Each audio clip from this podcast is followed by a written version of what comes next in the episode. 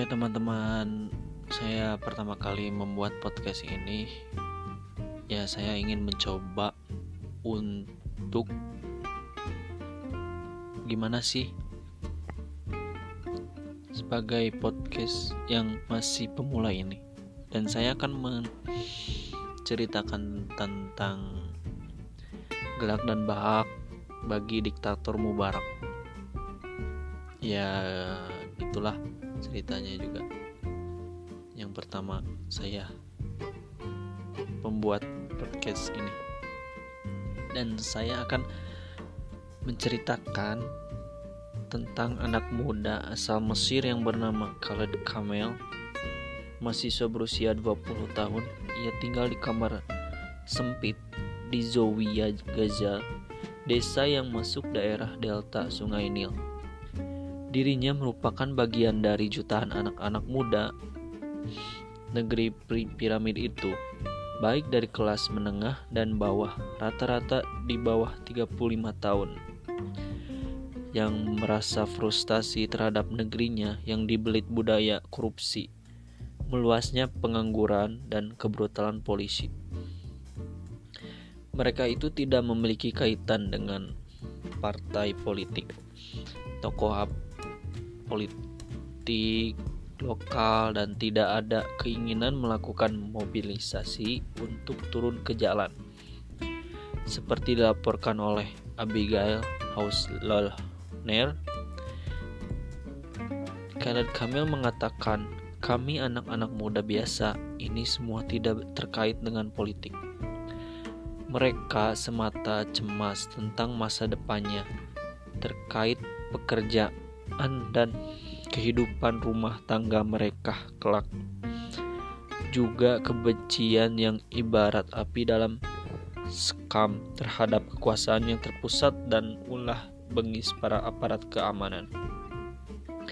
Kalian ingat suatu kejadian ketika terjatuh dari kereta api karena ia naik di atap. Alih-alih polisi menolongnya, tetapi justru memukulinya. Polisi memperlakukan kami seperti layaknya kami bukan manusia, gramnya. Khalid lalu menyalurkan frustasinya itu dalam blog. Blog saya adalah blog sarkastis. Tuturnya karena menurutnya humor merupakannya cara terbaik bagi bangsa Mesir untuk belajar menjalani masa-masa sulit dalam kehidupan mereka selama 30 tahun. Ketika diktator Hosni Mubarak mencengkeram negerinya. Mesir memang punya tradisi panjang untuk hal itu. Menghumori ulah penguasa penindas sudah dilakoni bangsa lembah sungai Nil itu sejak zaman Firaun berkuasa. Bahkan Mubarak sendiri pernah membuat lelucon tentang dirinya sendiri. Setelah naik tampuk kekuasaan pas terbunuhnya Presiden Anwar Sadat, ia berkata bahwa dirinya tidak menyangka akan ditunjuk sebagai wakil presiden sebagai mar sekal udara ia bercanda. Ketika ditelepon Anwar Sadat, saya mengira akan ditunjuk sebagai presiden maskapai Egypt Air diktator di mana-mana selalu empuk untuk dijadikan bahan lawakan. Ketika Mesir bergolak dalam revolusi 25 Januari 2011 yang antara lain digerakkan oleh Khalid Kamel. Media masa dunia menaruh simpati terhadap perjuangan mereka dengan cara unik. Media-media tersebut memparadekan lelucon-lelucon tentang Hosni Mubarak. Misalnya, Hosni Mubarak sedang terbang di atas Cairo, Mesir. Ia mengeluarkan uang seribu dolar dan bertanya kepada pembantunya, bagaimana uang itu dapat membahagiakan warga Mesir. Pembantu pertama bilang agar uang itu dilemparkan lewat jendela sehingga nantinya bisa membahagiakan satu warga Mesir. Pembantu kedua menyela, katanya sebaiknya digantikan dengan dua dua lembar 500 dolar. sehingga bila dilemparkan keluar jendela akan bisa membahagiakan dua warga Mesir. Pembantu ketiga tidak setuju atas kedua usul itu, ia bilang kepada Mubarak agar uang-uang itu dia simpan saja di sakunya. Lalu ia meminta agar Mubarak melemparkan diri dari jendela pesawat. Tindakan itu pasti akan membahagiakan warga Mesir semuanya. Dan kata Bapak Mubarak itu, mending Bapak saja yang melemparkan diri keluar pasti rakyat Mesir pada seneng deh, kata Mubarak. Mubarak sudah tidak sa tiba saatnya meninggal. Demikian sabda. Turunlah ke bumi dan laksanakan perintahku. Lanjutnya. Di gerbang istana Mubarak itu tertangkap oleh pasukan rahasia pengawal presiden Mesir itu. Ia diborgol, disiksa, dan dipenjarakan berbulan-bulan. Untunglah ia dilepaskan. Ia lalu lapor kepada Tuhan tentang mis misinya yang gagal itu dan menceritakan peristiwa mengerikan yang ia alami selama ini. Jadi kau juga cerita bahwa kedatanganmu dulu itu atas perintah saya. Presiden Mubarak kata Clinton, saya terjun mengikuti pemilu presiden untuk kedua kalinya. Dapatkan Anda mengirimkan tim kampanye Anda untuk membantu keberhasilan saya. Mubarak pun menyanggupi. Ketika hasil pemilihan umum di Amerika Serikat itu diumumkan, ternyata 90% suara yang masuk telah memenangkan Hosni Mubarak. Ketika Mubarak meratap, apa yang bisa dilakukan oleh bangsa Mesir tanpa kehadiranku nanti. Pembantu dekatnya berusaha meredakan kecemasan tuannya itu dengan menjawab, Jangan risaukan rakyat Mesir, Bapak Presiden. Mereka adalah rakyat yang tahan uji dan tahan banting. Mereka mampu bertahan dengan hanya memakan beban tuan. Tampak Mubarak termenung sejenak. Ketika Gamal Abdul Nasir menjadi presiden Mesir, ia berkehendak memilih wakil presiden yang lebih bodoh dibanding dirinya sehingga tidak menjadi penantangnya. Saat itu ia memilih Anwar Sadat. Begitu pula ketika Anwar Sadat menjadi presiden Mesir, ia berkehendak memilih wakil presiden yang lebih bodoh dibanding dirinya sehingga tidak menjadi penantangnya. Saat itu ia memilih Hosni Mubarak. Tapi Hosni Mubarak beda. Sejak awal memerintah ia tidak memiliki wakil presiden karena memang tidak ada warga Mesir yang lebih bodoh dibandingkan dirinya. Sehingga di persatuan oleh media jaringan sosial Facebook lalu bahu membantu menggalang ribuan massa untuk berhimpun dan berunjuk rasa selama 18 hari di lapangan Tahrir. Khair, Mubarak pun tersingkirkan oleh gelombang demokrasi rakyatnya sendiri. Mesir kini memasuki era baru. Komedian Muslim Amerika Azhar Husman dalam tweetnya ikut berkomentar, Mesir kini semoga lebih mubarak, berkah tanpa mubarak. Bagi para pemimpin di mana pun ada pelajaran penting yang dapat dipetik dari revolusi Mesir tersebut.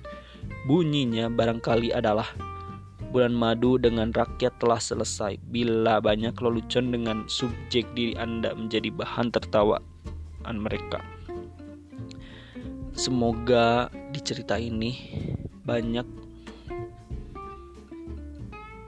bermanfaat. Untuk itu, saya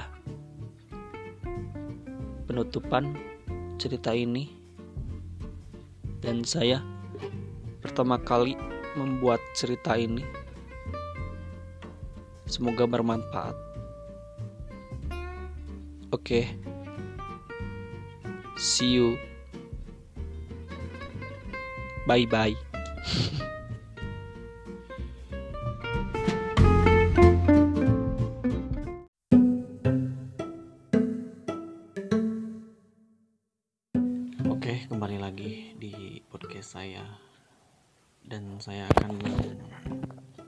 menceritakan kisah pengalaman saya yang di mana tentang ya stand up comedy lah gitu dan di kesempatan kali ini saya akan membuat materi yang ringan-ringan aja lah kali ini saya akan mengambil tema dengan ringan aja tentang kapas. Soalnya kalau ngambil tema besi baja terlalu berat. Mungkin para sobat ada yang berpikir kalau kapasnya sekontainer kan berat juga. Tepat sekali. Jalan pikiran sobat sangat jauh. Cocok untuk menikmati jokes cerdas para komik. Karena konon bin katanya materi stand up comedy juga yang baik itu harus cerdas, harus bisa memancing penonton biar biar bermain logika atau ketawa. Jangan sampai pemirsa diajak main gaple atau domino, kan bahaya itu. Bisa ditangkap polisi loh.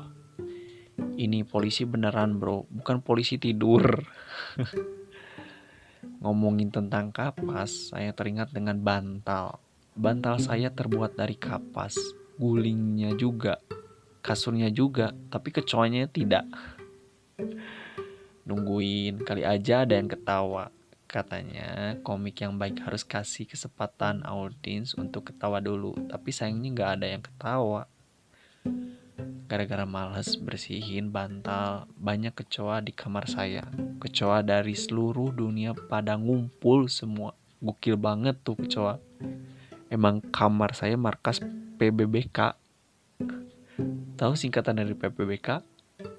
Persatuan Bangsa-Bangsa Kecoa. ya gitulah. Alhamdulillah ada beberapa penonton yang ketawa yang ketawa aja juga pasti yang ngedengerinnya juga pasti yang ketawa berarti salah satu anggota anggotanya selain kecoa makhluk ngeselin lainnya yang suka nyelempit di bantal kasur kapas adalah kutu busuk cuma satu sih tapi temennya banyak parah banget tuh kutu udah dikasih minyak seliter tetap aja baunya busuk. Udah gitu bikin mama saya cie panggil mama. Biasanya panggil emak. Mama saya marah banget karena minyak gorengnya hilang seliter. mama teriak, siapa yang ngambil minyak goreng mama? Ya saya jawab, kutu busuk mah. Terang saya terang-terang aja. Mama tambah sewot. Mama bilang, kutu busuk kepala gondrong dasar kutu kupret ada parah sambil garuk-garuk kepala dari ngelirik rambut gondrong kembali soal kapas kapas itu melambangkan kemakmuran lihat aja di lambang Garuda Pancasila di sila kemakmuran bagi seluruh rakyat Indonesia dilambangkan dengan gambar padi dan kapas. Kenapa nggak diganti kecoa dan kapas ya? atau kutu busuk dan kapas. Kan yang suka tidur di atas kasur kapas itu kutu busuk. Ya kan? Mana ada padi di atas kasur? Gak percaya? Coba periksa kasurnya. Tak bakalan nemui padi deh. Yang pasti ada itu kutu busuk plus kecoa. Hmm, ambil napas panjang, lumayan grogi, udah mulai berkurang. Ya, kemarin di kasur kapas saya ada pergulatan seru. Maaf, ini bukan cerita Parno. Jangan berpikir ngeres lo ya. Iya, pergulatan seru antara kutu busuk dan kecoa. Mereka berebut untuk duduk di atas kursi. Sorry, maksudnya kasur kapas. Kalau yang ber berantem rebutan kursi sih di Senayan. Loh kok saya ngomongnya ngelantur ke urusan politik sih? Hmm. Ya, salah satu trik untuk menguasai panggung dan menutupi pada saat lagi blank. Kata Raditya Dika sih oke wajar Kata Om Indro. Warkop DKI terusin aja biar dapat kompor gas. Tapi ada benernya juga sih. Antara rebutan kursi dan rebutan kasur itu cuma beda tipis. Sama-sama ada kapasnya. Sama-sama kayak kutu busuk dan kecoa di kasur saya. Mereka berkelut seru berebut kasur Kata kecoa. Ini kasur saya Kutu busuk bilang, bukan ini kasur saya. Tiba-tiba ada tikus datang dan membentak, diam. Kenapa? Kalian ribut-ribut. Ini kasur saya. Kecoa dan kutu busuk berteriam.